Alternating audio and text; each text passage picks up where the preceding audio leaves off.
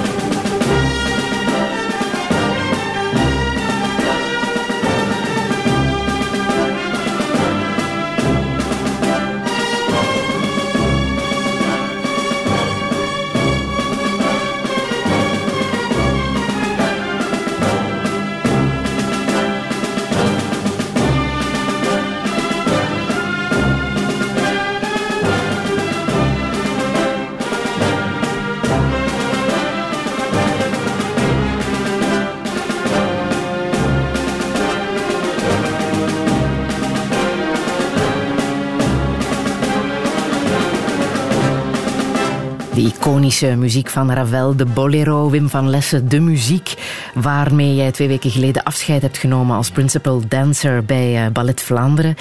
Hoe bewust heb jij die laatste voorstelling, die laatste danspassen, die laatste keer die bewuste choreografie beleefd op eh, die rode tafel van uh, Bejar? Ja, dat was voor mij denk ik de grootste uitdaging. Van, ik wist dat het een heel geladen voorstelling ging worden. Ik wist dat het uh, heel belangrijk was. Ik heb daar ook uh, speciaal de nadruk op gelegd dat ik dat wou doen, dat ik afscheid wou nemen, dat ik uh, met een bang eruit wou gaan, bij wijze van spreken. En ik had zoiets van, ik mag mij niet laten afleiden door alles wat er rond gebeurt. Uh, daar waren cameraploegen, daar waren fotografen, daar waren mensen, daar waren allemaal extra's, wat ik normaal niet heb bij een voorstelling. En ik had zoiets van, oh, maar ik moet wel zorgen dat hetgene wat ik moet doen, dat moet er wel staan. Mm -hmm. Want als ik nu niet goed ga dansen en al de rest staat er, dan was het ook heel fout geweest. Was je zelf tevreden over de laatste voorstelling? Ja. Ja, ja en ik ben, ik ben niet uh, gemakkelijk naar mezelf toe. En ik ben, uh, ik denk best wel veel eisend naar mezelf toe. En, en, en de eerste om te zeggen van, mm, dat is niet goed of dat is niet goed of dat kon beter. Maar ik was daar heel, heel, heel erg op gebrand om, ja. om een goede voorstelling af te leveren. Nu, dit duurt 16 minuten en ja. dan zou een buitenstaander kunnen zeggen: Boah, 16 minuten dansen, dat valt toch zeer goed mee als voorstelling. maar hoe intens is het als je 16 minuten alle focus op jou krijgt? Ja, het, het is een stuk, als je de muziek hoort, het gaat zeer crescendo.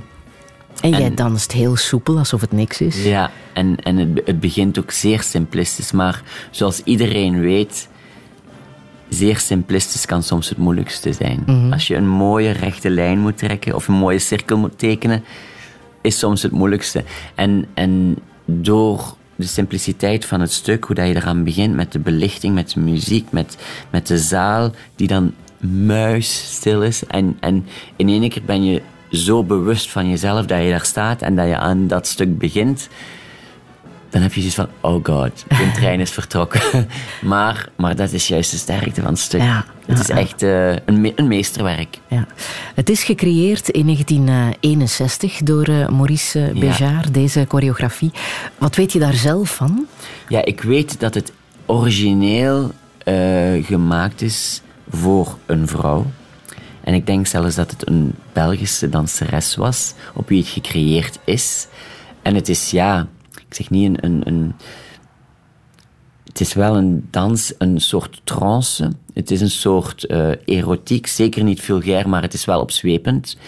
En in de loop der tijd is het toch wel gevarieerd van een vrouw op tafel met mannen er rond, een vrouw met vrouwen er rond, een man met vrouwen er rond, en dan was het een man met mannen er rond. En dat is vooral bekend geworden in de jaren tachtig, denk ik, met uh, Georges Don, de befaamde muze, een van de muzes van Maurice Béjart. En, en wie was dat precies? Ja, Georges Don was, was een danser die op zich niet de meest ge, uh, perfecte technische danser, maar als hij op het toneel stond, hij zoog die aandacht van het publiek naar hem toe. En, en dat zijn mensen die voorbij komen in de dansgeschiedenis en die hun stempel drukken. En hij was zeker zo één. En vooral de, de, zijn interpretatie van de bolero van Maurice Béjart is gewoon iconisch. En voor mij is hij ook degene geweest naar wie ik altijd gekeken heb op op videomateriaal of op YouTube. Als, je, mm -hmm. als ik moest luisteren of ik moest kijken naar zijn interpretatie, dan was het toch wel hem die ik uh, bekeek, omdat ik vond dat hij, ja, je kijkt er gewoon naar. Je, ja. je gaat gewoon helemaal mee in dat verhaal. Maar je hebt hem nooit uh, nee. kunnen ontmoeten, natuurlijk. Hè? Nee, hij is uh, helaas overleden aan AIDS. Mm -hmm. In die tijd was dat nog een, een doodvonnis. Ja. En, en dat uh, is ook een periode die zeer gemarkeerd is geweest door die ziekte en, en door heel de impact op de danswereld en, en in de tijd van het ballet van de 20e eeuw. En dus ja, dat alles maakt het wel uh, zeer iconisch. Maurice Béjart heb je wel uh, ontmoet. Maurice, Maurice Béjart heb ik zelf ook nooit ontmoet. Nooit ontmoet? Nooit ah. ontmoet. Ik uh, heb wel altijd een grote bewondering voor hem gehad omdat ik uh, met de Olympische Spelen in Nagano, in Japan, in de tijd heb ik een duet met mijn danspartner Aki Saito gedanst. En dat was Sonate van Maurice Béjart. En normaal gezien mag er geen enkel stuk van Béjart gedanst worden in Japan, omdat de rechten tot uh, het ballet in Japan behoren. Ja, dat is behoorlijk ingewikkeld. Dat hè? is Daar zeer streng. Heel veel ja. rechten op. Ja, de Tokyo Ballet. En dan hebben wij rechtstreeks met uh, Maurice Béjart gesproken om te zien, mogen we toch niet alstublieft op die Olympische Spelen dat dansen? En dan heeft hij zo de toestemming gegeven. En op zich was mijn kinderdroom al altijd de bolero te dansen. Dus uiteindelijk is dat zo toch een cirkel die rond is Ja. in mijn verhaal. En in die zaal, twee weken geleden, zat uh, zowat iedereen die jou lief is, denk ik. Hè? Familie, vrienden, bekenden. Um, uh, normaal gezien zou koningin Mathilde ook komen Ja. kijken. Ja, koningin Mathilde uh, had uh, bevestigd, twee weken op voorhand. En ik voelde het, want heel het Ballet van Vlaanderen stond in rep en roer van het protocol, omdat uh, de koningin ging komen. En dan heeft ze enkele dagen later helaas moeten afzeggen door omzien, onvoorziene omstandigheden. Maar ze gaat het goed maken. Ze gaat het goed maken. Ze heeft mij Weet je al uh, hoe? laten weten dat ze mij gaat uitnodigen privé. Ja. Dus voor mij is het wel fijn, omdat zij is natuurlijk ook de meter van de Koninklijke Balletschool. En ze heeft mij door de jaren heen wel gevolgd. En op een of andere manier, als je zo iemand... Het is niet, niet dat ik iedere week daar op de koffie ga. maar het is wel als je elkaar een paar keer ontmoet en je kan ze meteen plaatsen in welke context. Zij is toch wel heel alert wat er leeft en wie bezig is met wat. En ik vind het toch wel belangrijk als zo iemand jou ondersteunt of, of zegt van kijk, ik apprecieer waar dat jij mee bezig bent. En natuurlijk, ik ben wel 25 jaar het gezicht geweest van, van het Ballet Vlaanderen. Ik heb het zowel in het binnenland als in het buitenland altijd gerepresenteerd. Dus op zich ben ik daar ook wel trots op dat ik uh, Mhm. dat gedaan heb. Ja. Je hebt ook een prachtig feest gekregen na die galavoorstelling in de Boerla Schouwburg met ja. al evenveel mooi volk. Ja. Want 25 jaar dansen is, is buitenproportioneel lang. Ja. Hè? Want je bent 43. Ja. Dat is lang voor een danser. Dat is, een, dat is echt een, een lange carrière. Het zit zelfs zo dat eigenlijk in de Parijse opera, de befaamde Parijse opera, je op 42 jaar moet vertrekken, dan ben je op pensioen daar. Mm. Dus zij hebben ook geen keuze om te zeggen van, oh, mag ik niet nog twee jaar langer? Nee, zij worden echt, um, that's it, hun periode is voorbij en dan is de tijd aan anderen. Nu, zij gaan wel direct op pensioen, dus dat is wel iets een andere regeling. Maar toch, uh, 43 jaar is, is uitzonderlijk, want natuurlijk, je, je bent afhankelijk van je fysiek. Het is jouw instrument en, en je moet zorgen dat dat in orde is, want zonder dat gebeurt er niks. De prijzen zijn ook niet onbelangrijk, denk ik, hè, die je onderweg uh, kan nee. binnenhalen. Wat is voor jou de belangrijkste prijs geweest die je hebt gekregen? Goh, er zijn er een paar. Ik denk, aan de beginperiode is het de Prix de Lausanne. Daar is het eigenlijk mee begonnen. Dat is eigenlijk een, een van de meest befaamde prijzen als jonge balletdansers. Uh, ik zat toen in de Koninklijke Balletschool in Antwerpen en dan werd ik voor de eerste keer gemeten op wereldniveau. Dan word je uit jouw school environment gehaald. Ja. En dan word je in één keer op een toneel gezet in Zwitserland, in Lausanne. En hoe oud en was je toen? 16. 16. Ja. En dan kom je in één keer Japanners tegen, Russen tegen, Amerikanen tegen, Cubanen tegen. en dan heb je zoiets van, oh, we doen allemaal wel eenzelfde demi-plié, maar toch is het dan wel, uh, ja, je wordt in één keer uh, afgemeten met anderen. En daar heb ik toen een prijs gewonnen. En dus daar begint het daar toch begint echt het wel aan. Als je die ja. prijs binnenhaalt, Absoluut. Ja, dan wacht er jou allicht een mooie carrière. Ja.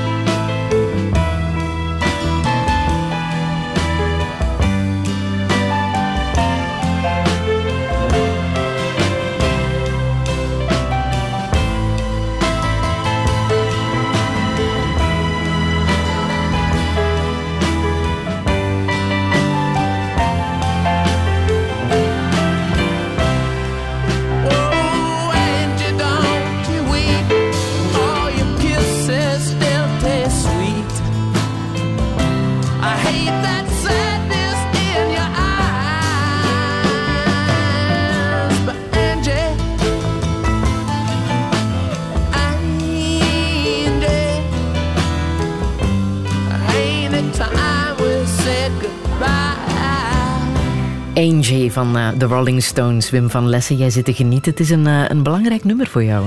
Ja, het is, een, het is een nummer dat eigenlijk al op jonge leeftijd mij een indruk op mij heeft gelaten. En ik weet niet meer juist hoe, maar ik weet dat wij in de auto zaten en ik wist nog niet van de Rolling Stones af. En, en ik heb twee oudere zussen die, en die zaten die muziek op en ik had zoiets van...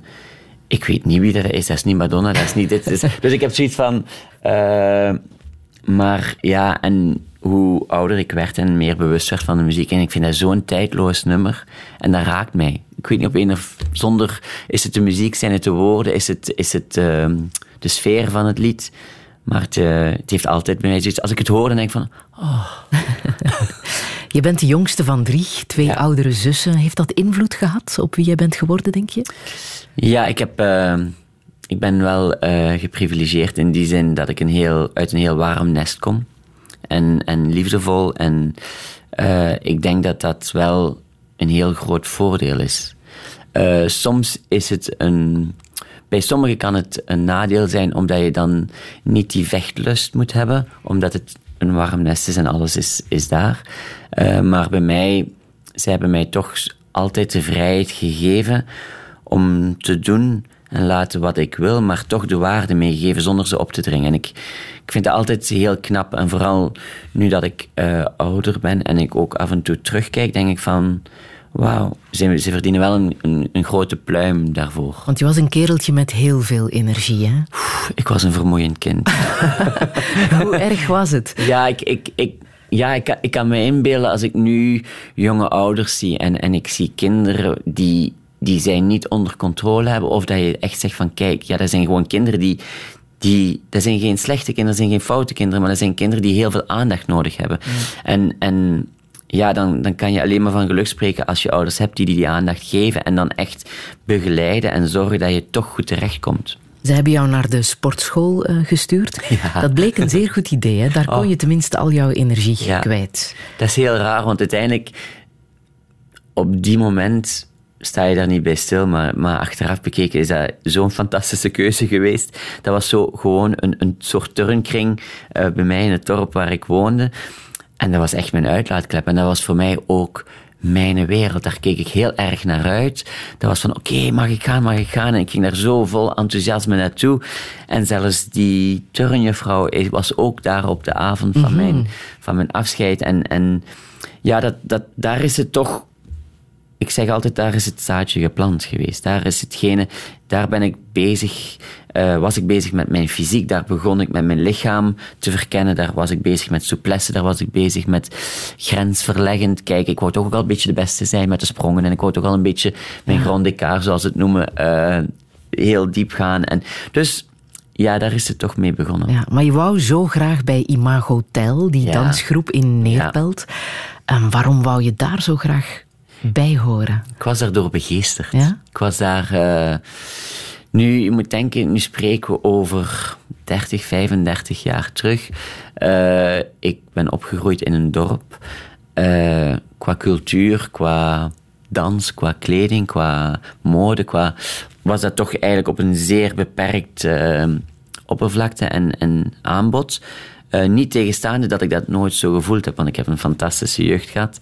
Maar eh, toen ik geconfronteerd werd, of wanneer ik eh, blootgesteld werd aan Imago Tel, dat was dan in een theater en ik zag de mensen zich al opkleden om daar naartoe te gaan. Dan was het de voorstelling en ik mocht dan met mijn vader achter de coulissen en dan zag ik die dansers en dan zag ik die artistiek directrice Alicia Borgt en dat was zo'n vrouw waar ik naar opkeek en als zij goeiedag zei, dan was ik zo al helemaal van... Oh. En, en dat gevoel, denk ik toch wel dat dat eh, ja, impact heeft gehad op mij. En ik hield gewoon van het theaterleven. En ik wou dan ook... Zij deden dan drie voorstellingen per weekend en ze deden dat twee weekenden. En ik, ik was daar elke dag. Ik moest daar gewoon zijn. En dan achter de voorstelling wou ik ook achter de coulissen gaan. Dan wou ik kijken, die sfeer van die dansers, van die geladenheid achteraf.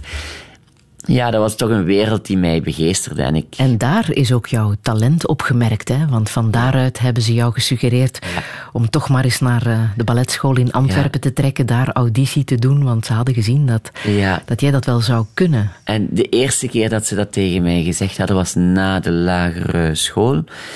En dan hebben we dat niet gedaan. En we hebben toch het eerste jaar in het college gezeten. En toen zei die vrouw tegen mij of tegen mijn ouders zo van... Als je, als je het echt wil doen, dan moet je nu gaan. Daarna is het te laat. En dan hebben mijn ouders op een gegeven moment gewoon... Zijn we in de auto gestapt, zijn we naar Antwerpen gereden. Ik vergeet het nooit, we konden nog over de mei rijden. En eh, ik had balletslofjes geleend van iemand. En dan hebben we die auditie gedaan. En ik was erdoor en de rest is geschiedenis. Heel simpel. Ja, maar je was een jongetje van 12, 13 jaar en ja, je woonde niet in Antwerpen, eh, Nee. net iets te ver weg om op en af te rijden, dus je moest ook meteen Ja. op een soort internaat bij mensen thuis? Tantine en Tonton. Ja, voilà. Dat is, eh, dus ja, ik was die auditie... Tweede paar ouders waren dat. Dus ik, ik had eigenlijk die auditie gedaan en toen vroegen mijn ouders aan de school van... Wat doen ze met leerlingen die van ver, Ja. hè, die ergens moeten verblijven? Ze zegt, er is een gastgezin, internaat hier om de hoek, heel dicht bij de school. En we gingen daar naartoe, gingen kijken. En die deur gaat zo open en dat was echt een echte tontien, gelijk ze zo noemde. En, maar dat was in één keer een Franstalig gezin. En ik had zoiets van, oh, in Frans. En mijn ouders ook. Al, Ik bedoel, dat was de eerste keer dat wij echt geconfronteerd werden met, met echt Frans te spreken, om elkaar eh, te verstaan. En ja, maar bij mij was het zoiets van, ja, dus, dat moet gewoon. Ik bedoel, ik moet naar die school. Het hoort erbij. Het, hoort, er, het Ja. hoort erbij, inderdaad. De wereld ging helemaal open. Ja. Ja. Je bent natuurlijk in die school ook eh, terechtgekomen bij de familie, eh, de zussen Brabants. Ja. Jean Brabants, Jos, Annie. Je hebt ze allemaal gekend? Ik heb ze allemaal heel goed gekend. Hoe bijzonder zijn die zussen Goh. geweest? Ja, eh, ik denk dat mevrouw Brabants, ik denk dat iedereen er al wel eens ooit over gehoord heeft, zelfs mensen die niet in de danswereld eh, zijn. En dan besef je toch wel van dat zij alles wat met dans te maken heeft in Vlaanderen, komt toch wel door hen. Ik bedoel, het Ballet van Vlaanderen is opgericht door hen. De Koninklijke Balletschool is opgericht door hen.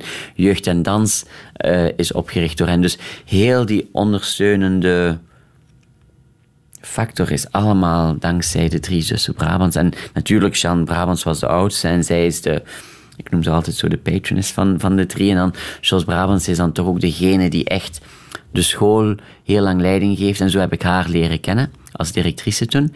En Annie Brabants was mijn eerste balletlerares dus in de balletschool. Dus ik heb echt van, van heel nabij heb ik nog hun, hun stempel hebben ze toch op mij nog gedrukt.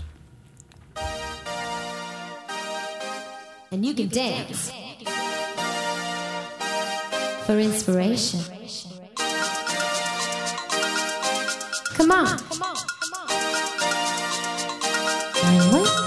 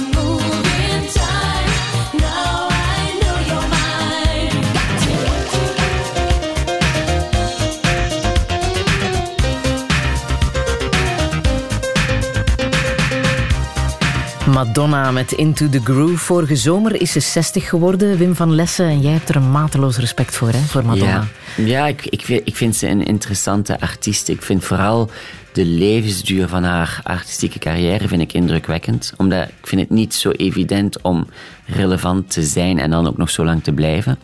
En als je ziet, ze overleeft iedereen. Ik bedoel, Prince is weg, Michael Jackson is weg. En, en ze heeft zo toch met alle grote der aarde die nu zo relevant zijn in de kunstwereld, zelfs een Keith Haring, eh, Andy Warhol. Ze heeft er allemaal mee gewerkt, ze heeft die allemaal aan le- allee, in persoon gekend. Dus op dat vlak heb ik mateloos respect voor haar. Danst ze goed? Ze is een geboren entertainer. zei hij heel diplomatisch. maar het is natuurlijk ook zo'n figuur eh, die leeft van de aandacht, van het applaus, van het podium. Hoe belangrijk is dat voor jou geweest? Goh, heel eerlijk. Ja, ik heb het wel nodig. Ja? Ja, ik voel, ik voel wel dat ik. eh, natuurlijk, eh, als je een, een beroep doet dat eh, je blootstelt aan het publiek, dan, dan stel je ook heel kwetsbaar op. Want het publiek is natuurlijk. Ze kunnen je heel lief hebben, maar ze kunnen je ook afkraken. Ze kunnen je ook eh, zeggen: van nee, dit hou, hier houden we niet van.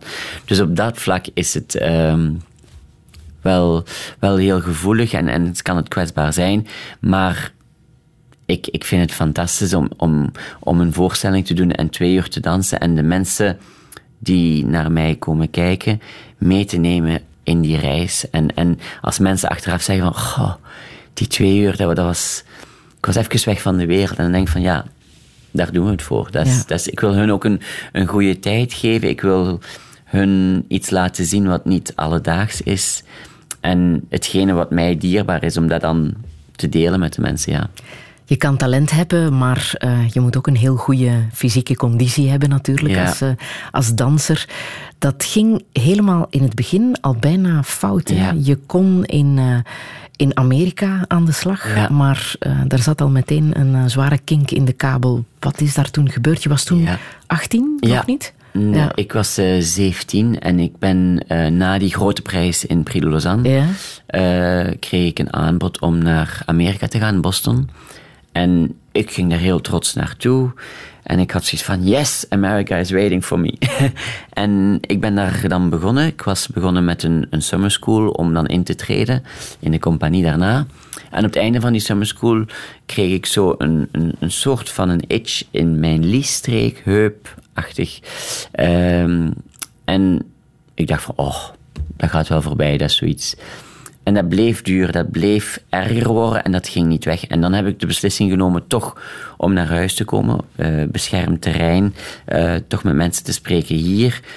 En uiteindelijk is dat mijn eerste echte grote confrontatie geweest met een blessure. En dat heeft mij Want het heeft lang geduurd hè, Ja, dat voor heeft je daarvan hersteld jaar. was.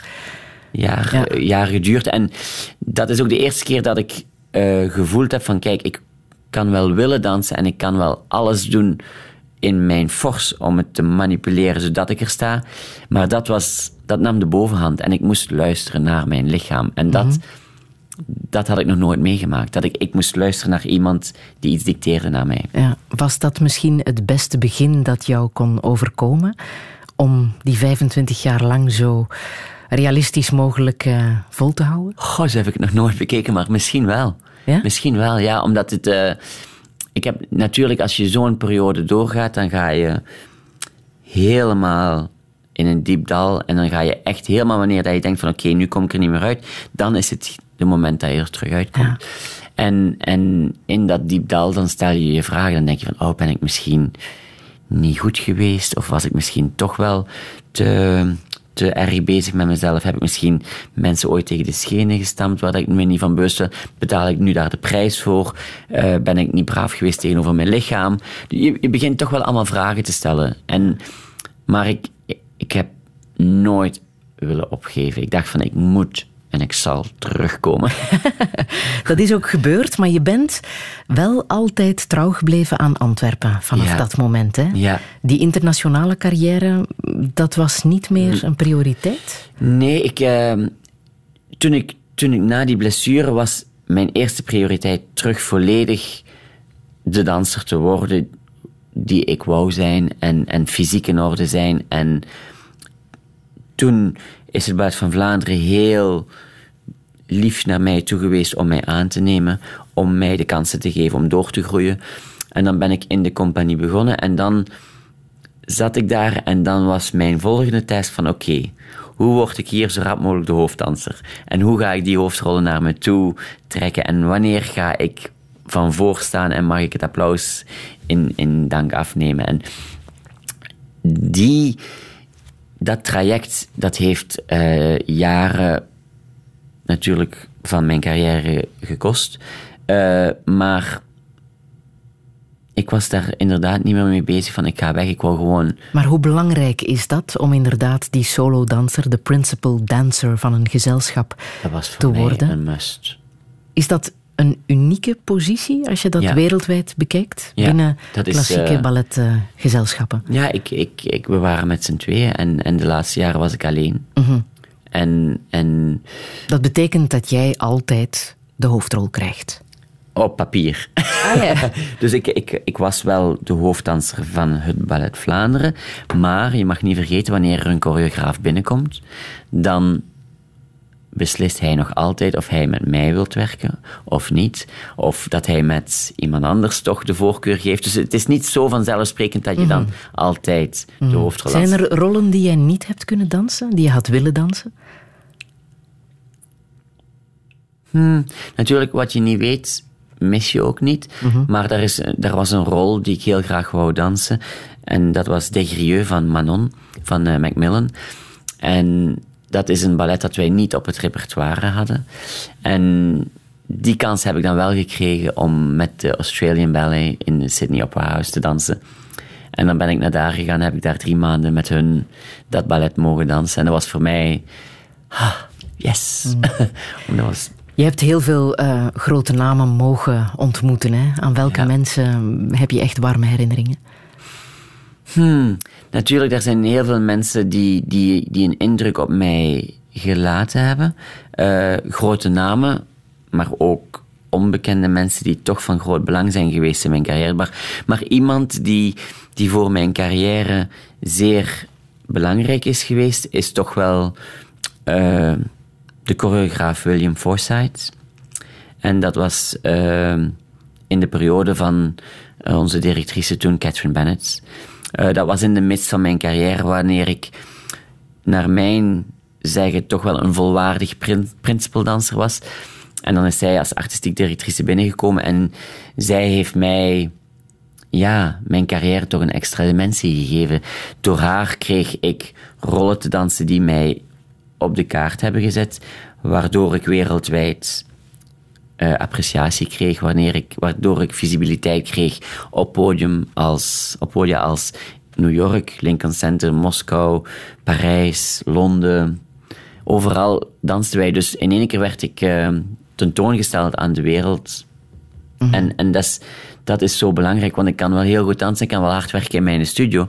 Maar als ik optreed in een klein zaaltje, dan gaan ze het niet zien natuurlijk. Dus het is ook belangrijk dat heel de puzzel samenvalt om erkend te worden. Ja. En hoe bijzonder was jouw eh, samenwerking met Marcia Hardy? Ah, ja. Een Braziliaanse choreograaf, eh, danseres? Ja, ze is een, ze is een Braziliaanse danseres, eh, achteraf choreografe en natuurlijk ook directrice van, van het Stuttgart Ballet en nu in Chili. En zij is eh, een fenomeen in de zin van, zij heeft eh, bij ons heeft ze een nieuwe versie van het Zwanemeer gemaakt op het Ballet van Vlaanderen. En we hebben een ballet gedanst, Onjegen, wat voor mij van heel groot belang is geweest. Dat is op haar gecreëerd. En zij is, eh, ik denk momenteel ook, eh, heeft ze een, een bepaalde leeftijd, maar zij is nog altijd zo alert en zij kan zich nu nog altijd inplaatsen hoe het is om effectief danser te zijn. En dat vind ik zo raar, want de meeste mensen vergeten wat het is om op het podium te staan, om zelf uitvoerende macht te zijn. En zij is naar de tachtig, denk ik, En zij is dat nog altijd niet vergeten. Dus wanneer ik met haar aan het werken was, zij weet wanneer dat mijn onzekerheden opspelen. Zij weet hoe dat ze mij moet coachen. Zij weet hoe dat ze mij het beste uit mij moet halen. En dan vind ik, ja, als je met zo iemand kan werken, dat is echt een, een bonus.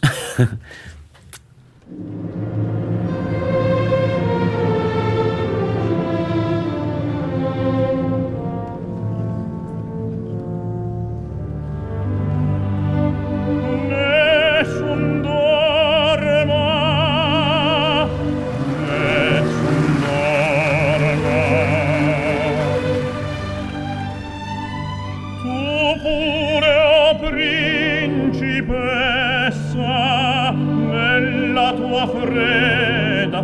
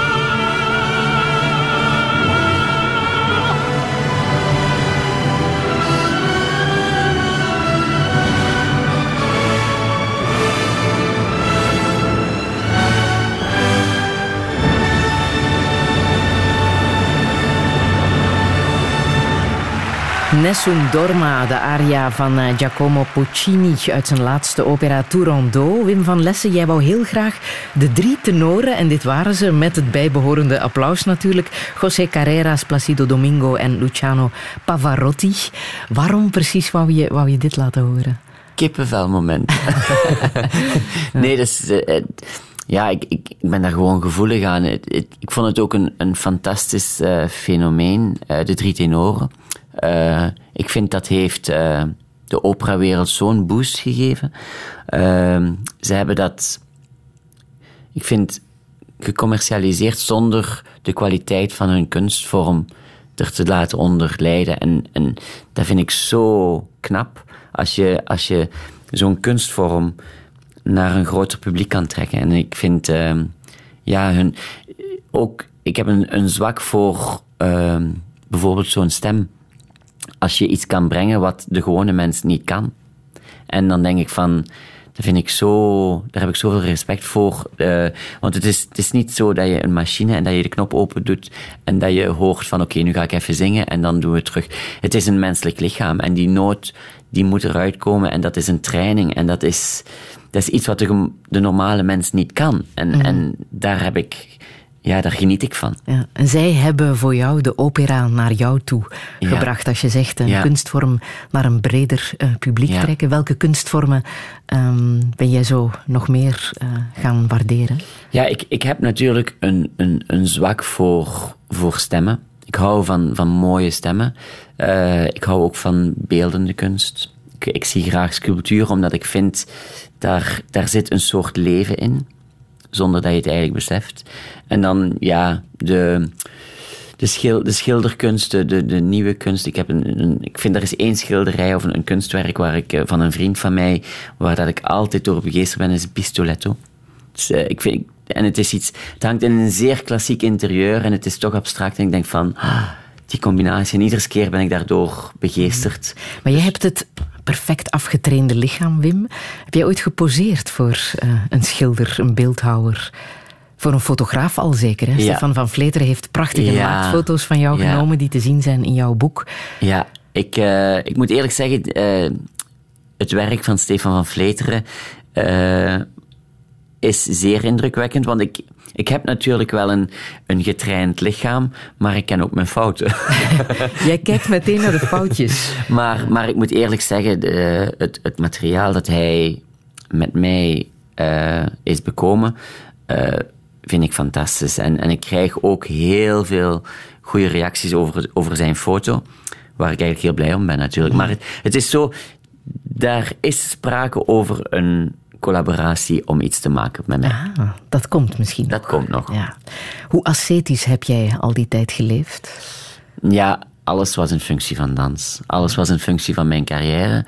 Ook omdat ik zoiets had van, op een of andere manier heb ik daar een bepaalde controle over. De rest in mijn leven niet. Mijn liefdesleven heb ik helemaal geen controle over. Eh, en dat was altijd zoiets van, alles wat rond mij gebeurt, dat laat ik gebeuren en laat, hoop ik dat, en ik, ik probeer dat wel zo te laten banen, ehm, in, de, in de richting waar ik naartoe wil gaan. Maar met mijn balletcarrière was dat toch zoiets van, oké, ik wil de hoofddanser worden van Bert van Vlaanderen, ik wil bepaalde rollen dansen. En ik was heel veel eisend naar mezelf toe, maar ook naar de mensen met wie ik werkte, wat natuurlijk niet altijd gemakkelijk is.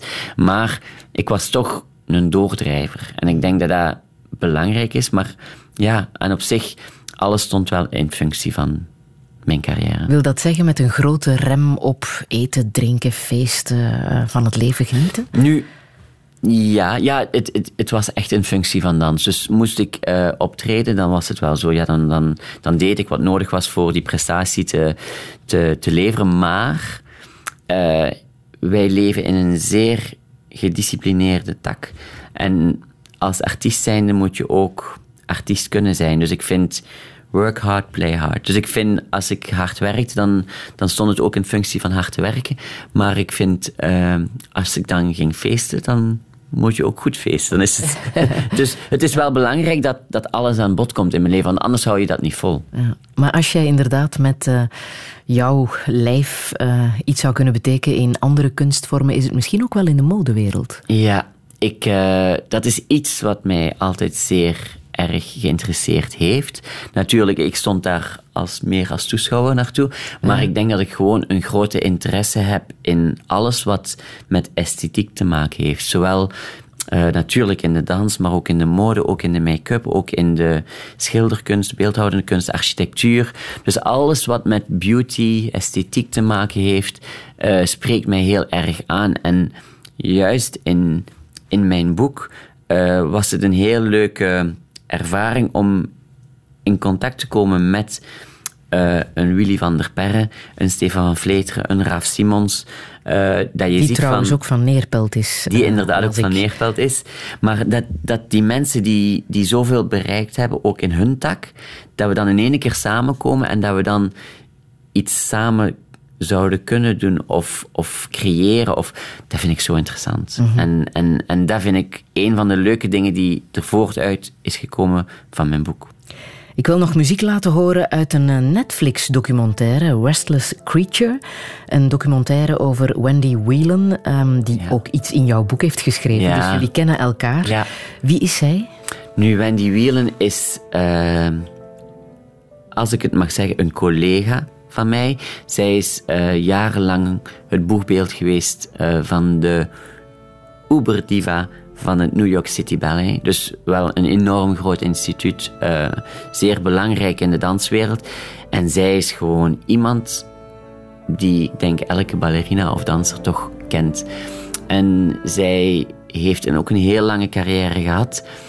En zij heeft eh, enkele jaren, ik denk twee jaar voordat ze gestopt is, is ze begonnen aan een documentaire te maken omdat ze een blessure had.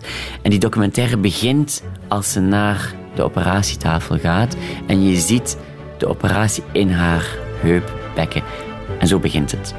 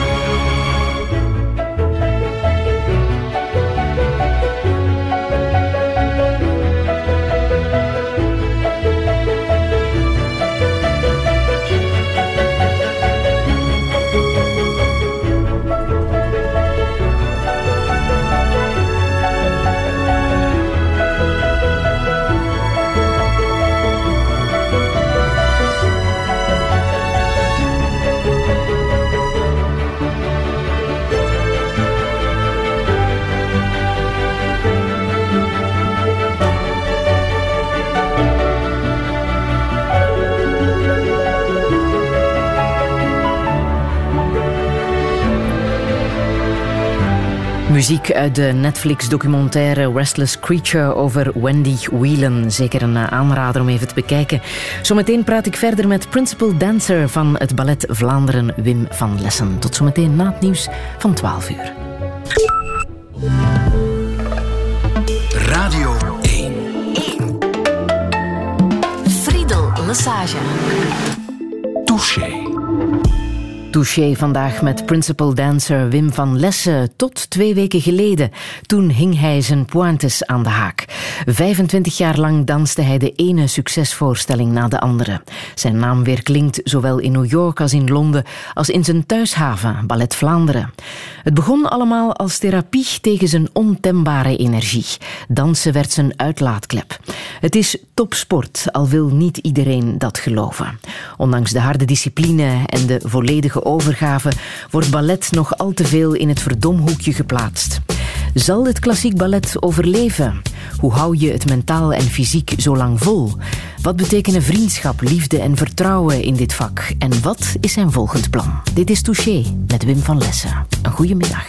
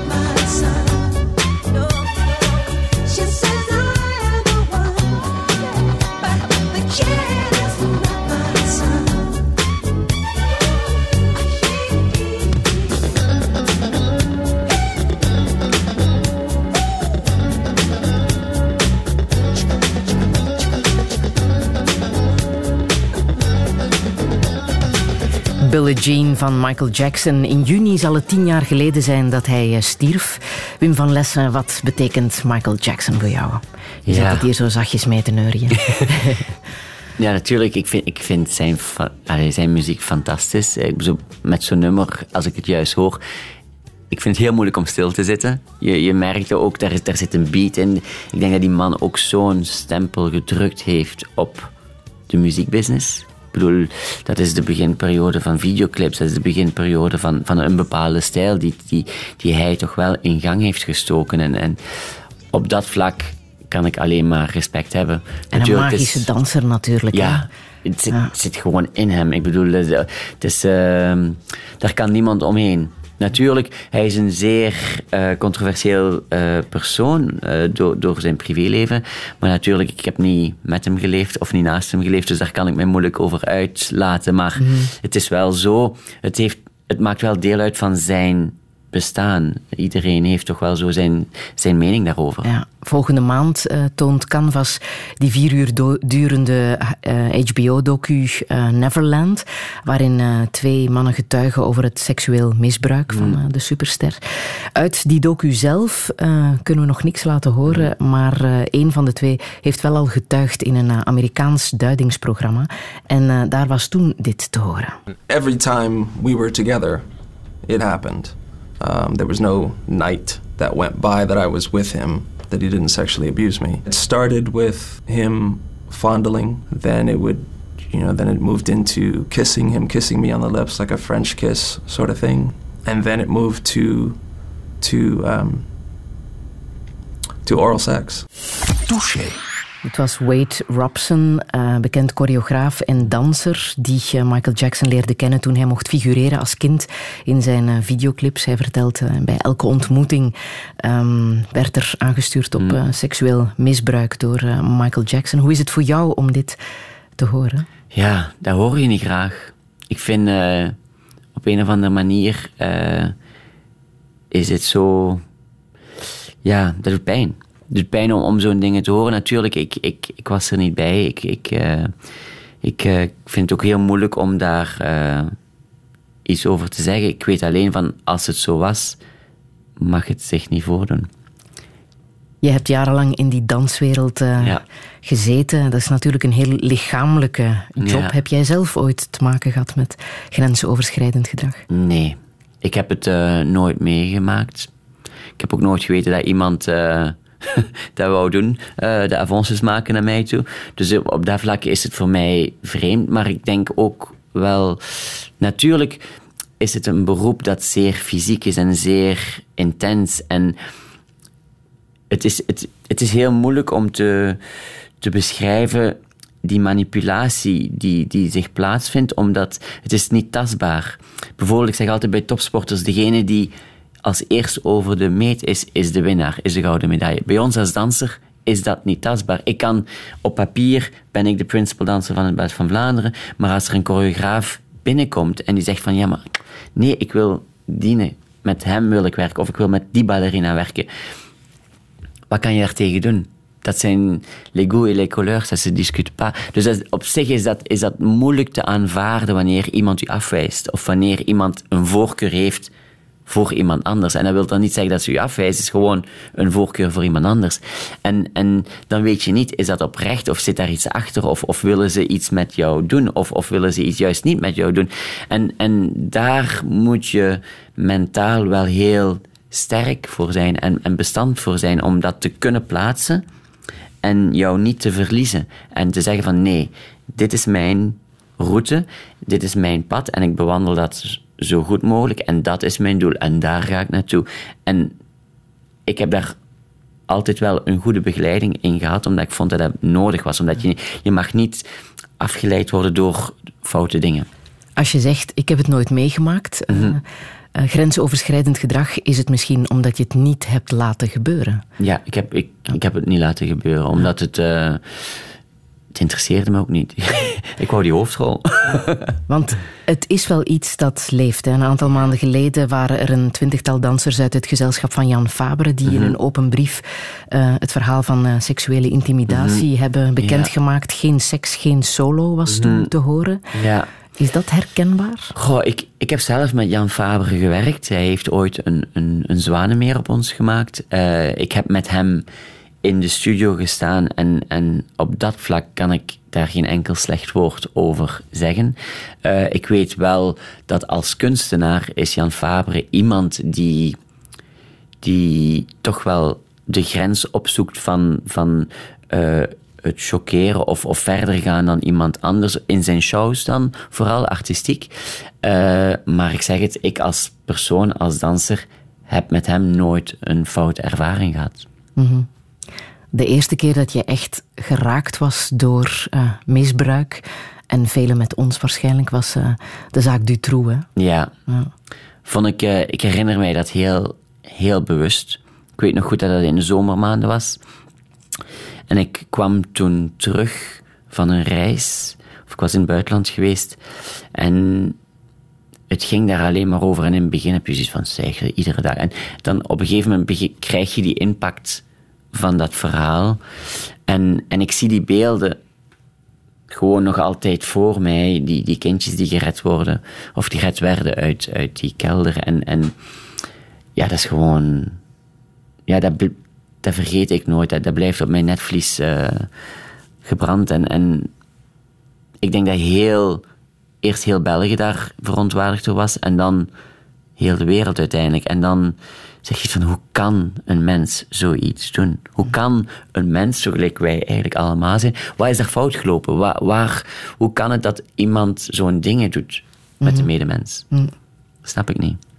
Dat was natuurlijk het meest gruwelijke verhaal. En toch blijven dit soort dingen gebeuren. Seksueel misbruik, grensoverschrijdend gedrag. Ja. Wat zegt dat over de mens? Wat zegt dat over ons? Ja, de mens is iets heel raars. De mens, eh, ik denk dat het daardoor ook heel belangrijk is dat, dat, dat iemand, allee, dat, dat iedereen voor zich heel duidelijk een, een doel heeft in zijn leven en, en bezig is met iets constructief, iets, iets, iets. Ik ben altijd bezig om, om vooruit te gaan in mijn leven. Ik ben niet bezig om achteruit te gaan of iets af te breken. En ik denk, het is zo moeilijk in, in, in onze tijd om iets op te bouwen, om iets om verder te geraken. Dus ik kan me niet, al niet inbeelden dat iemand bezig is om, om iets kapot te maken. Waarom zou je daar je energie in moeten steken? Dat is eh, verkwisting. En dat sommige mensen, dat dat voor, niet voor iedereen makkelijk is, kan ik begrijpen. Maar dan is het wel zo dat je misschien hulp nodig hebt om jouw focus te kanaliseren en te zeggen van nee, we gaan niet, niet van je pad afgaan. Dat is je focus. En, en ik denk dat dat toch voor de mens in het algemeen heel belangrijk is.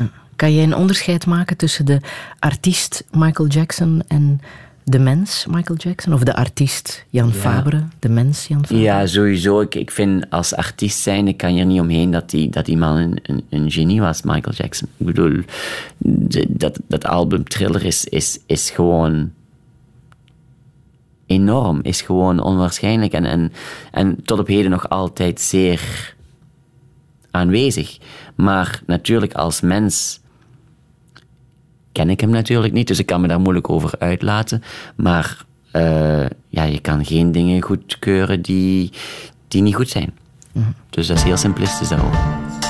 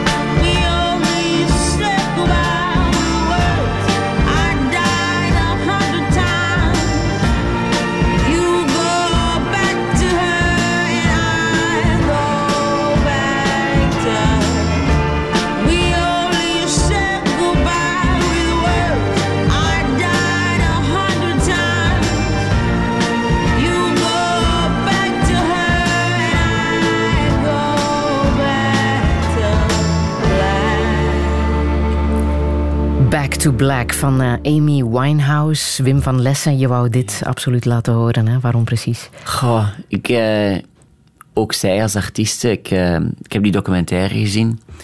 En ik vond dat zo jammer. Ik had echt zoiets op het einde van die documentaire. Ik denk van, oh, wat een gemiste kans. Wat had zij nog allemaal kunnen bieden als artieste? En, en De documentaire Amy, hè? Het Ja. is ook op Netflix. Daar zie je hoe ze helemaal ten onder gaat aan Ja. drank en drugs. En dan denk ik ook van, ja, dat is eigenlijk, eigenlijk gewoon een gemis aan goede begeleiding. Ik denk van, als zij op de juiste moment de juiste personen rond haar had gehad, dan had dit niet moeten gebeuren. Nu, het is altijd zoiets van, ze, ze, ze is ook die enorme artieste door waarschijnlijk deels tragedie in haar leven. Want als je de, het verhaal achter dit album is, is niet altijd roze geur en maneschijn. En maar je voelt dat ook in haar stem, dat, dat, dat zij troubled is. En, en vaak zijn de grootste artiesten ook wel troubled op een of andere manier. En, maar ik zeg het, bij haar vind ik het zo... En ik, ik voelde die... Ja, op het einde had ik gewoon zoiets van, dit is zo jammer. en dat vond ik erg. Ja. Ehm, troubled, ook in de danswereld allicht. Want eh, afgelopen week kwam het nieuws binnen dat eh, in Moskou de Britse balletdanser Oscar Frame ehm, is betrapt op cocaïne. En dat is een uitspraak die ook Sergei Polunin heeft gedaan, zowat de, de Amy Winehouse van eh, Ja. de danswereld. Ja. Die zei destijds in zijn documentaire, die trouwens ook Dancer heet, Ja. ehm, iedereen gebruikt wel eens drugs in de danswereld. Hmm. Is dat zo? Goh.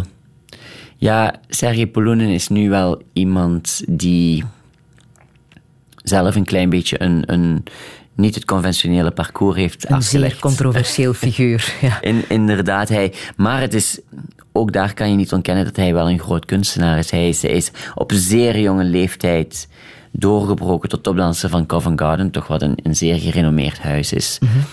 Dan is hij daar aan de top geraakt en dan was het toch niet hetgene wat hij echt wou. En dan is hij een klein beetje op een zijparcours gegaan, een tattoo-winkel geopend en, en het ballet zo'n beetje achterwege gelaten. Dan is hij eh, terug doorgebroken op YouTube met een clip eh, wat de hele wereld zoal heeft gezien van Bring Me to Church. Take Me to the Church ja. van eh Hosier, daar danst hij in, een prachtige locatie. Ja, en dan is dat bij Ellen terechtgekomen in Amerika en heeft Amerika dat opgepikt. Dan is hij eh, natuurlijk nog een veel breder spectrum van, van stardom aan zijn voeten gekomen. En dan heeft hij dat eh, toch ook, is hij dan aan het verzilveren met een documentaire over zijn leven al, zijn jonge leven uiteindelijk. En dan begint hij uitspraken te doen over homoseksualiteit en met een tattoo van Poetin op zijn borstkas. En dan, ja, dan denk je van, wat bezielt zo iemand om dan toch enorm veel te bereiken en dan toch het weer daarmee te spelen van, wat ga ik ermee doen? Ga ik het eh, kapot maken? Nee, toch niet helemaal. En dan, ja, er moet toch ergens iets zijn wat hem tot zo'n dingen drijft. En als hij zegt, er is drugs in de danswereld. Goh, ja, ik denk... eh, Jij hebt het Al- over het de hele wereld gezien, Wim. Ja, ik bedoel, het artiesten zijn. Ik denk dat er iedereen wel eens eh, mee in aanraking komt. Het is natuurlijk wel de keuze van jezelf om te beslissen: doe je dat of doe je dat niet. Ehm, Is het jou ooit Het is- eh, het is- aangeboden? Ehm, het is een verantwoordelijkheid die je, die je moet dragen als artiest. En ik, ik denk, ik ben zeer rigoureus ehm, op het vlak van mijn carrière en mijn, mijn instrument, mijn lichaam. En ik denk, ik heb daar alles voor gelaten. Ik eh, ben misschien in de andere kant eh, eh, gegaan, in de zin van ik heb wel de nodige, hoe moet ik zeggen, dingen gedaan om, wanneer ik pijn had, om die te verbijten. Ik heb, af en toe neem ik dan wel eens een ibuprofen om te om dat te is nog geen drugs, hè?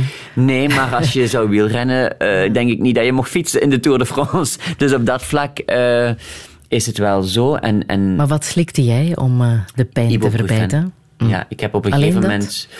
eh, ja, omdat... eh, en zelfs door ibuprofen ga ik niet meer pirouetten draaien. het, ik kan daar niks mee doen. Ja. Ik, ik zou niet denken van als ik drugs zou nemen dat ik beter ga dansen. Ja. Absoluut niet. Ik denk dat het zelfs gevaarlijk is in de danswereld.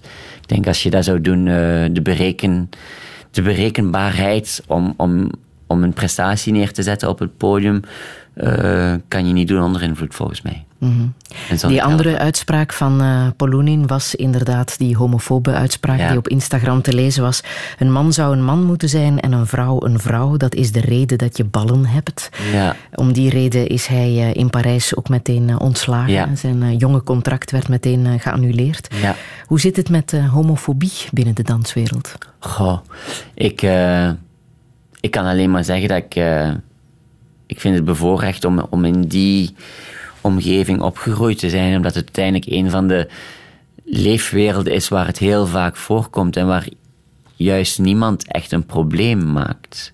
ik, eh, ik kan me wel herinneren, mijn eerste directeur... eh, die zei van... Mannekes, kom aan, ik wil wel een vent op het toneel zien. En toen had ik zo, oh, oh, mag ik niet homoseksueel zijn? Maar dat bedoelde hij helemaal niet. Hij, hij bedoelde wel van, als jij een prins moet zijn in het Zwanenmeer, dan moet je niet een prinses zijn. Ja. En- maar dat heeft te maken met het artistieke. Dat is hetgene, dat is mijn job. Eh, maar Was het voor jou om voor de eerste keer te zeggen dat je homoseksueel was? ik had, er, ik had moeite met, met mezelf, niet mijn omgeving. Bij mij heeft het ook langer geduurd. Je, het, het, het komt ook eh, voor in mijn boek. Eh, niet tegenstaande dat ik op een balletschool zat waar dat homoseksualiteit zeer aanvaard werd, waar daar niemand een probleem uitmaakte. Maar was het voor mij wel, wel een, een, een proces dat, dat even iets langer geduurd heeft dan zou moeten. En hoe kwam En- dat? omdat ik juist hoorde van mijn toenmalig directeur van ik wil een man op toneel. En ik dacht van, oh, als ik nu toegeef aan mijn homoseksualiteit, dan ga ik misschien niet doorstoten tot aan, aan de top. En daarom heb ik dat ietsje langer verborgen gehouden voor de buitenwereld. Niet tegenstaande dat iedereen wel wist en zag van, oké, En hoe ben je er dan mee naar buiten gekomen? ik ben er naar buiten mee gekomen toen mijn toenmalige coach van de school achteraf tegen mij zei van Wim, je hebt de ene blessure na de andere, denk eens twee keer na. Je moet wel in vrede zijn met wie dat je bent, want anders gaat het zich rebelleren fysiek. En toen dacht ik van, oh, maar komen mijn blessures misschien door het feit van dat ik niet toegeef aan mijn homoseksualiteit, waardoor ik mij niet goed in mijn vel voel. En toen ik die connectie maakte, dacht ik van oké, nu ga ik naar buiten komen. Nu, dit is voor mij het, het signaal. En ik heb dat gedaan en inderdaad, dat was echt met een vingerknip viel heel de puzzel in elkaar. En was het zoiets van mijn privéleven werd veel gemakkelijker. Ik werd ook veel beter aanvaard. Mijn fysieke prestaties werden veel beter. En in ene keer maakte ik een sprong in mijn leven van daar naar daar. En dat was echt... eh, ja, ik ben hem daar heel dankbaar voor. En, en, en ik, ik vind ook dat iedereen die daarmee worstelt, moet iemand hebben die tegen hen zegt van... Het is oké. Het is beter als je er... Als het zo is, is het zo. Kan je niet veranderen. En, en gewoon het zo goed mogelijk beleven. Hoe moeilijk was een ehm, relatie combineren met eh, jouw topcarrière? Eh, ik zie mezelf niet als moeilijk op dat vlak, maar eh, ik, heb een, ik heb één lange relatie gehad van 11 jaar met een jongen uit Londen. En op zich was dat niet gemakkelijk, want er was natuurlijk een afstandsrelatie. en, en, maar dat had ook zijn voordelen. Ik kon, wanneer dat we niet samen waren, kon ik mij volledig focussen op de dans. En, en moest ik geen rekening houden met, eh, met mijn partner. Maar dan was het wel quality time wanneer dat we samen waren. En het heeft eh, elf mooie jaren geduurd. En sindsdien heb ik eh, geen echte vaste relatie niet meer gehad. Eh, komt dat nu door het dansen? Ik durf het daar niet do- toe te wijzen, omdat ik denk dat is misschien een klein beetje te kort door de bocht. Maar het is wel zo dat, dat dansen mijn prioriteit was. En, en als er iemand in mijn leven kwam en die wou afspreken op een avond dat voor mij niet kwam, eh, of uitkwam, dan, ja, dan ging het niet. En dan nu moest heb zich je daarbij neerleggen. Nu heb je weer tijd. Ja.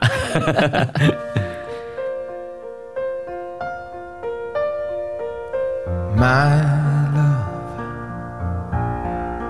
There's only you in my life, the only thing that's right. my first love. Your every breath that I take, your every step I make.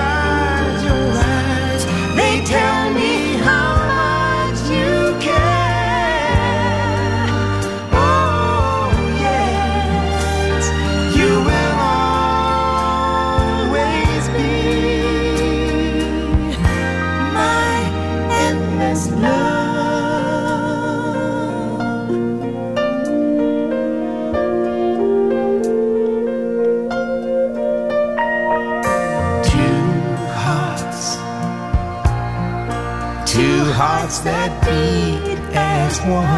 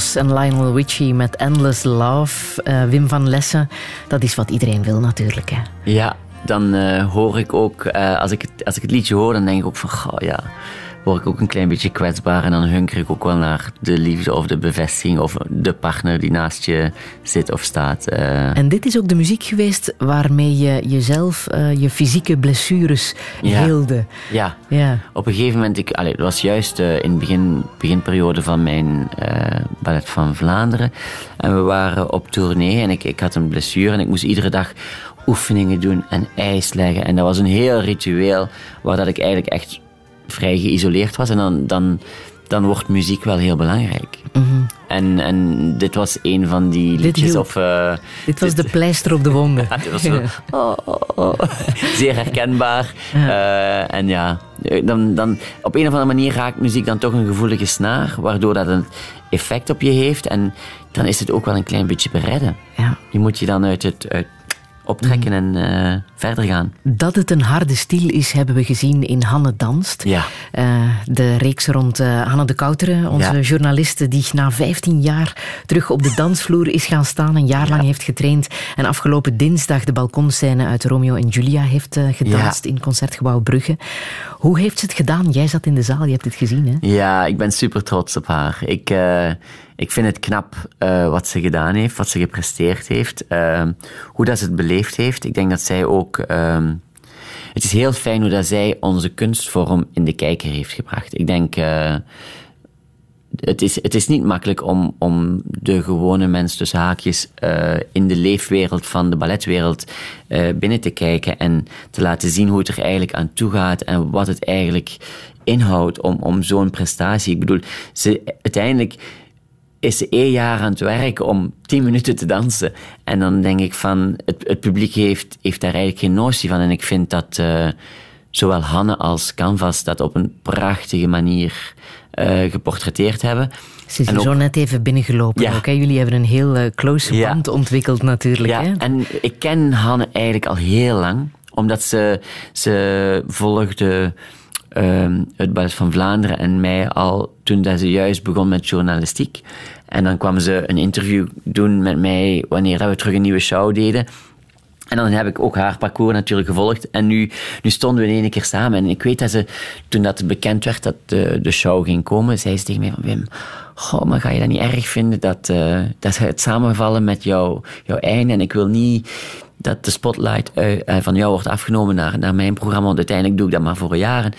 En uiteindelijk zeggen we nu ook tegen elkaar van, het is zo fijn dat we dat het ene voedt het andere. En uiteindelijk is de laatste tijd ballet toch heel erg aanwezig geweest in de media, eh, wat alleen maar een voordeel is, denk ik. Ja. Ehm, sinds haar blessure, want ze had Ja. een knieblessure, hoorde ze erbij, zei ze. Ja. En dat zei ook iedereen tegen haar. Ehm, maar ik vroeg me wel af, hoe, hoe ver ga je als danser? Waar ligt de pijngrens? Eh, wat tolereer je? Eh, je hebt één première bijvoorbeeld niet gedanst, hè? Ja. Spartacus, in Ja, eh, dat is, 2017. ja, dat is eigenlijk de enige première keer. afgelasten vanwege je fysieke conditie. Dat Ja. moet frustrerend zijn. En dat was, dat was voor mij de moeilijkste keuze, omdat ik, ik zeg altijd tegen, tegen dansers of tegen balletmeesters of tegen directeurs, van wanneer, wanneer dat je een, een, een zichtbare kwetsuur hebt, in, je, je, je, je twist je voet eh, en het is gebroken, dan zit je aan de zijlijn, dat is niet betwistbaar. Dat is zo, je doet er een rond of niet, en dat is een feit. Wanneer een blessure aan de helende kant is en het is niet zichtbaar en je moet gewoon afmeten aan de pijngrens, dan wordt het heel ingewikkeld. Want dan kan iemand zeggen, ja maar nee, je kunt wandelen, je kunt ook dansen, je kunt springen, dan kun je toch ook hoog springen. En, maar dat is niet altijd zo. En dan moet je afgaan op de oprechtheid van de danser om te zeggen van kijk, hier is mijn grens en daar niet. En bij Spartacus was dat bij mij, ik had een spierscheurtje opgelopen drie weken voor de première. Maar die drie weken zijn wel cruciaal voor die prestatie neer te zetten van een première. Plus het was een ballet van drie uur en een half. Plus het was een grote uitdaging voor mij. En ik had zoiets van, ik moet ook wel... Het is niet alleen, ik moet kunnen dansen, ik moet het ook goed kunnen dansen. Want ik heb natuurlijk dan, mijn ego spreekt dan en zegt van, als Wim van Lessen op het toneel komt, is er een verwachtingspatroon. En je moet dat inlossen. En ik had zoiets van, kijk, ik doe liever de voorstelling het weekend erop, wanneer dat ik weet, oké, nu kan ik dansen naar mijn normen, dan dat ik zeg van, nee, ik wil per se die première halen Mhm. en dat ik het dan minder goed zou gedaan hebben of half Het is topsport, hè? Absoluut. Ja. Maar ben je ook ehm, behandeld, bediend geweest als eh, topsporter de voorbije 25 jaar? Eh, waarschijnlijk eh, als artiest bij Ballet van Vlaanderen wel. Eh, financieel de omkadering misschien minder. Eh, het is wel zo dat eh, het is een passie en je doet het niet voor de centjes. Maar langs de andere kant, diegenen die bij het Ballet van Vlaanderen komen, die de auditie doorraken, behoren tot de beste dansers. En ik vind, dan ben je zo gezegd al een uitverkorene. En ik denk dat er op dat vlak nog wel een weg is af te leggen om die beter te behandelen financieel. Of, het, of het, eh, toch de, de structuur eh, voor een topdanser mag beter. Wat verdiende je dan? Een bediende loon. Een bediende loon? Ja. ja. En, Als jij en met jouw sporttalent voetballer was geworden, dan was ik nu binnen. En dat is niet het geval. Nee, ik, eh, ik zeg altijd eh, al lachend tegen de mensen: ik moet nu een echte job gaan zoeken voor centen te verdienen. Hoe zit het nu? Want je bent balletdanser af bij Ja, Ballet dus ik, Vlaanderen. eh, ik heb. eh, het, het mooie eraan is, ik heb een fantastische carrière gehad. Ik heb een lange carrière gehad en ik heb de luxe gehad om in een heel mooi kader afscheid te nemen. Dus op dat vlak, artistiek, is er geen enkel probleem, eh, is er geen enkele frustratie, wat eigenlijk primeert als danser, als artiest zijnde. Nu, de onnuchtering is er dan wel zo van, en wat nu? En dan kom ik eh, de week erna wel eh, de realiteit van de harde wereld. En dan zeg je van oké, ik ben 25 jaar bediende geweest. Weliswaar van het Ballet van Vlaanderen als topdanser, maar het is wel op papier 25 jaar bediende contract. En dan moet je je inschrijven en dan moet je zien eh, hoe dat jouw parcours er gaat uitzien. En ik hoop eh, in de toekomst eh, mijn volgende dromen na te leven en, en terug dat punt van interesse voor mij te pinnen en te zeggen van oké, hoe ga ik daar nu terug naartoe werken en terug dat nieuwe doel bereiken. En Dan zeg je nu dat je werkzoekende bent. Ja. Officieel ben jij nu... Ik ben ingeschreven en ik ben wer- werkzoekende. Ja, vreemd hè? Dat is heel hard en ik denk dat de mensen daar niet bij stilstaan. Eh, zeker niet de mensen die mij de laatste maanden hebben gezien en gevolgd. En, eh, Want dan- fysiek is het gewoon onmogelijk om tot je 65ste Ja, absoluut. danser te zijn. Ehm, Het, eh, en, en het is ook, eh, het is niet een job van 9 to 5, het is eh, een passie. Dus als ik, en dan is het heel simplistisch uitgelegd, maar als ik mijn drie pirouetten of mijn tien pirouetten niet kon draaien op het einde van de dag, bleef ik doorwerken. Dan ga ik niet zeggen, oké, weet je wat, het is vijf uur, ik schrijf mijn overuren op en ik, eh, het einde van de maand, nee, dat is gewoon mijn fierheid, mijn trotsheid, mijn, mijn verantwoordelijkheid als hoofddanser, is te zorgen dat dat afgeleverd wordt bij een voorstelling. En dat is natuurlijk ook wel een luxe, omdat ik het nooit als werk heb gezien. Ik heb eigenlijk mijn passie beleefd. Heel veel principal dancers internationaal hebben ofwel hun eigen gezelschap, zijn doorgegroeid Ja. tot artistiek directeur, Ja. hebben naam en faam binnen Ja. de balletwereld op een andere manier, choreograaf. Ja. Eh, ehm, wat zou jij echt willen als je, als je zou kunnen kiezen? Daar droom ik van. Hetgene wat je juist allemaal op. Op deze manier doorgroeien. Ja, ik denk, eh, ik heb dit ook tot een mooi einde kunnen brengen, wat voor mij belangrijk was. En nu wil ik mij focussen en op, op de volgende stappen. En wat dat kan zijn, gaat dat mijn eigen gezelschap worden? Het zou heel fijn zijn. Wordt dat eh, leidinggevende functie van een balletgezelschap?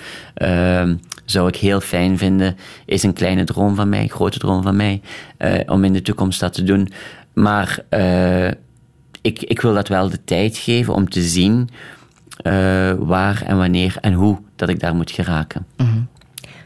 Je hebt altijd mentale steun gekregen van eh, sportcoach Ja. Jeff Brouwers. Ja, heel Helpt hij belangrijk. jou nu ook in dit traject? Want dit lijkt mij mentaal ook een heel Ja. moeilijk vraagstuk om op te lossen. Ja, Wat ik, eh, ik heb met hem al, ik werk met hem al een hele lange tijd samen. Eh, maar er zijn periodes dat het heel druk was en periodes dat het minder druk was. Maar eh, naar het einde toe gaande heb ik hem echt vaker opgebeld en gezegd van kijk, ik, ik heb je hiervoor nodig. En hij heeft ook naar mij duidelijk gemaakt van Wim, zorg dat je hier mij bij betrekt, want je gaat mij hier moeten voor gebruiken. En Eerst en vooral heeft hij mij duidelijk gemaakt van Wim, concentreer je enkel en alleen op het dansen, tot het dansen gedaan is. Omdat hij zei van, de laatste reis is op het einde. Je kan niet drie weken of twee maanden op voorhand, voordat je stopt, zeggen van, oh, ik ben al bezig met wat daarna. Hij zegt, want jouw grootste prestatie moet nog komen 2 februari. En toen dacht ik van, oh ja, want ik, ik, soms word, werd ik zenuwachtig van, en wat daarna? En iedereen vraagt, en wat ga je daarna doen? En wat ga je daarna doen? En ik had gezegd, maar ik ben nog aan het vechten voor die choreografie, die bolero, om dat zo goed mogelijk te doen. En ik wil mijn boek uitbrengen. En dus hij is iemand die gezegd heeft van, nee, je bent hoofddanser van Ballet van Vlaanderen tot je laatste voorstelling. En daarna gaan wij terug samen zitten om het volgende traject uit te banen.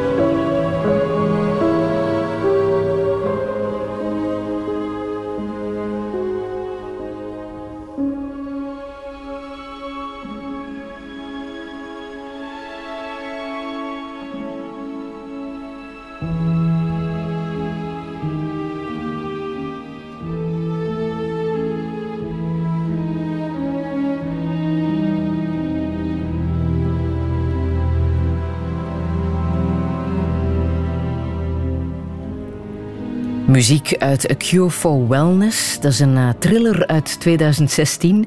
Maar het is ook de beginmuziek van eh, Hanne Danst. De reeks op Canvas die telkens met deze prachtige muziek begon. eh, Wim van Lessen. Je hebt de reeks gezien en dinsdag kom jij ook aan bod hè, met Ja. de Bolero. Zullen mensen die de voorstelling niet hebben kunnen zien... Ja. toch nog een paar beelden kunnen meepikken van hoe het eruit zag op het, op het podium. Dat is voor, voor dinsdag. Wim van Lessen, Mhm. 43 ben je nu hè? Ja. Ja. Wat je zou willen, heb je zo net eh, verteld. Ja. Maar zal je altijd danser blijven, denk je? Ja, absoluut. Zeg je zonder eh, nadenken. Ja. Hoe sportief blijf je dan elke dag? Eh, Ik heb... vanochtend je oefeningen gedaan? Nee. ik heb sinds mijn, mijn laatste voorstelling heb ik het rustig aangedaan. Ik ben zelfs niet meer de balletstudio ingegaan.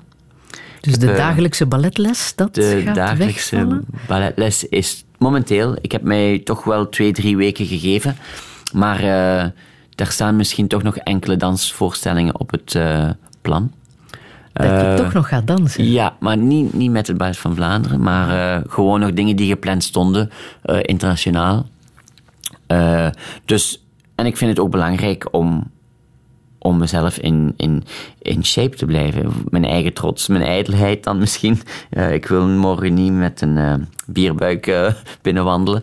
Dus daar ga ik zeker aan werken. En, en ik wil ook dat mijn lichaam ja, ik, ik denk dat het belangrijk is ook om een bepaalde structuur nu in mijn leven te behouden. Een bepaalde routine. Ja, en daar hangt het fysieke absoluut als een prioriteit. Een paar weken geleden was Anna-Theresa de Keersmaker hier eh, te gast. Danseres en choreografe in de moderne dans. Ja. Zij is 58, danst nog altijd. Ja.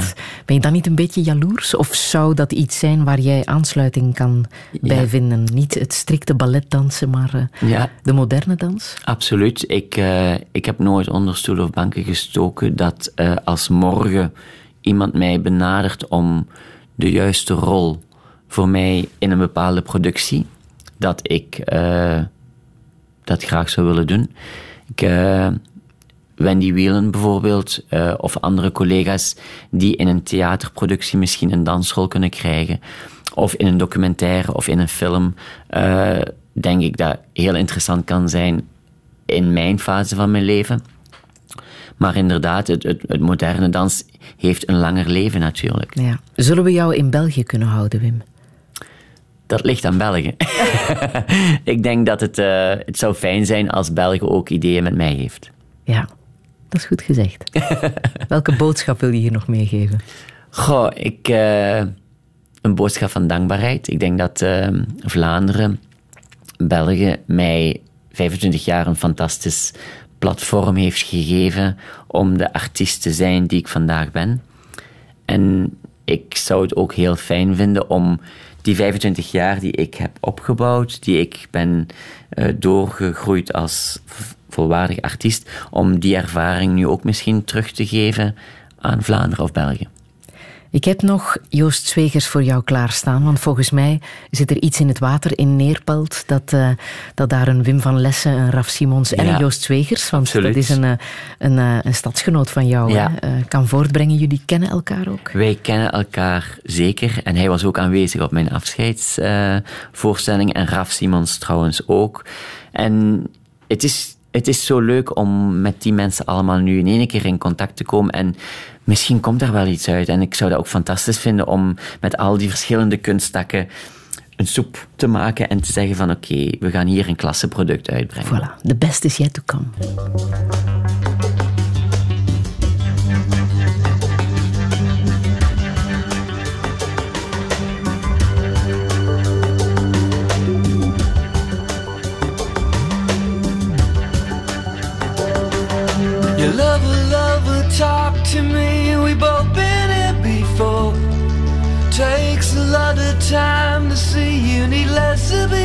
Become more. Not this time.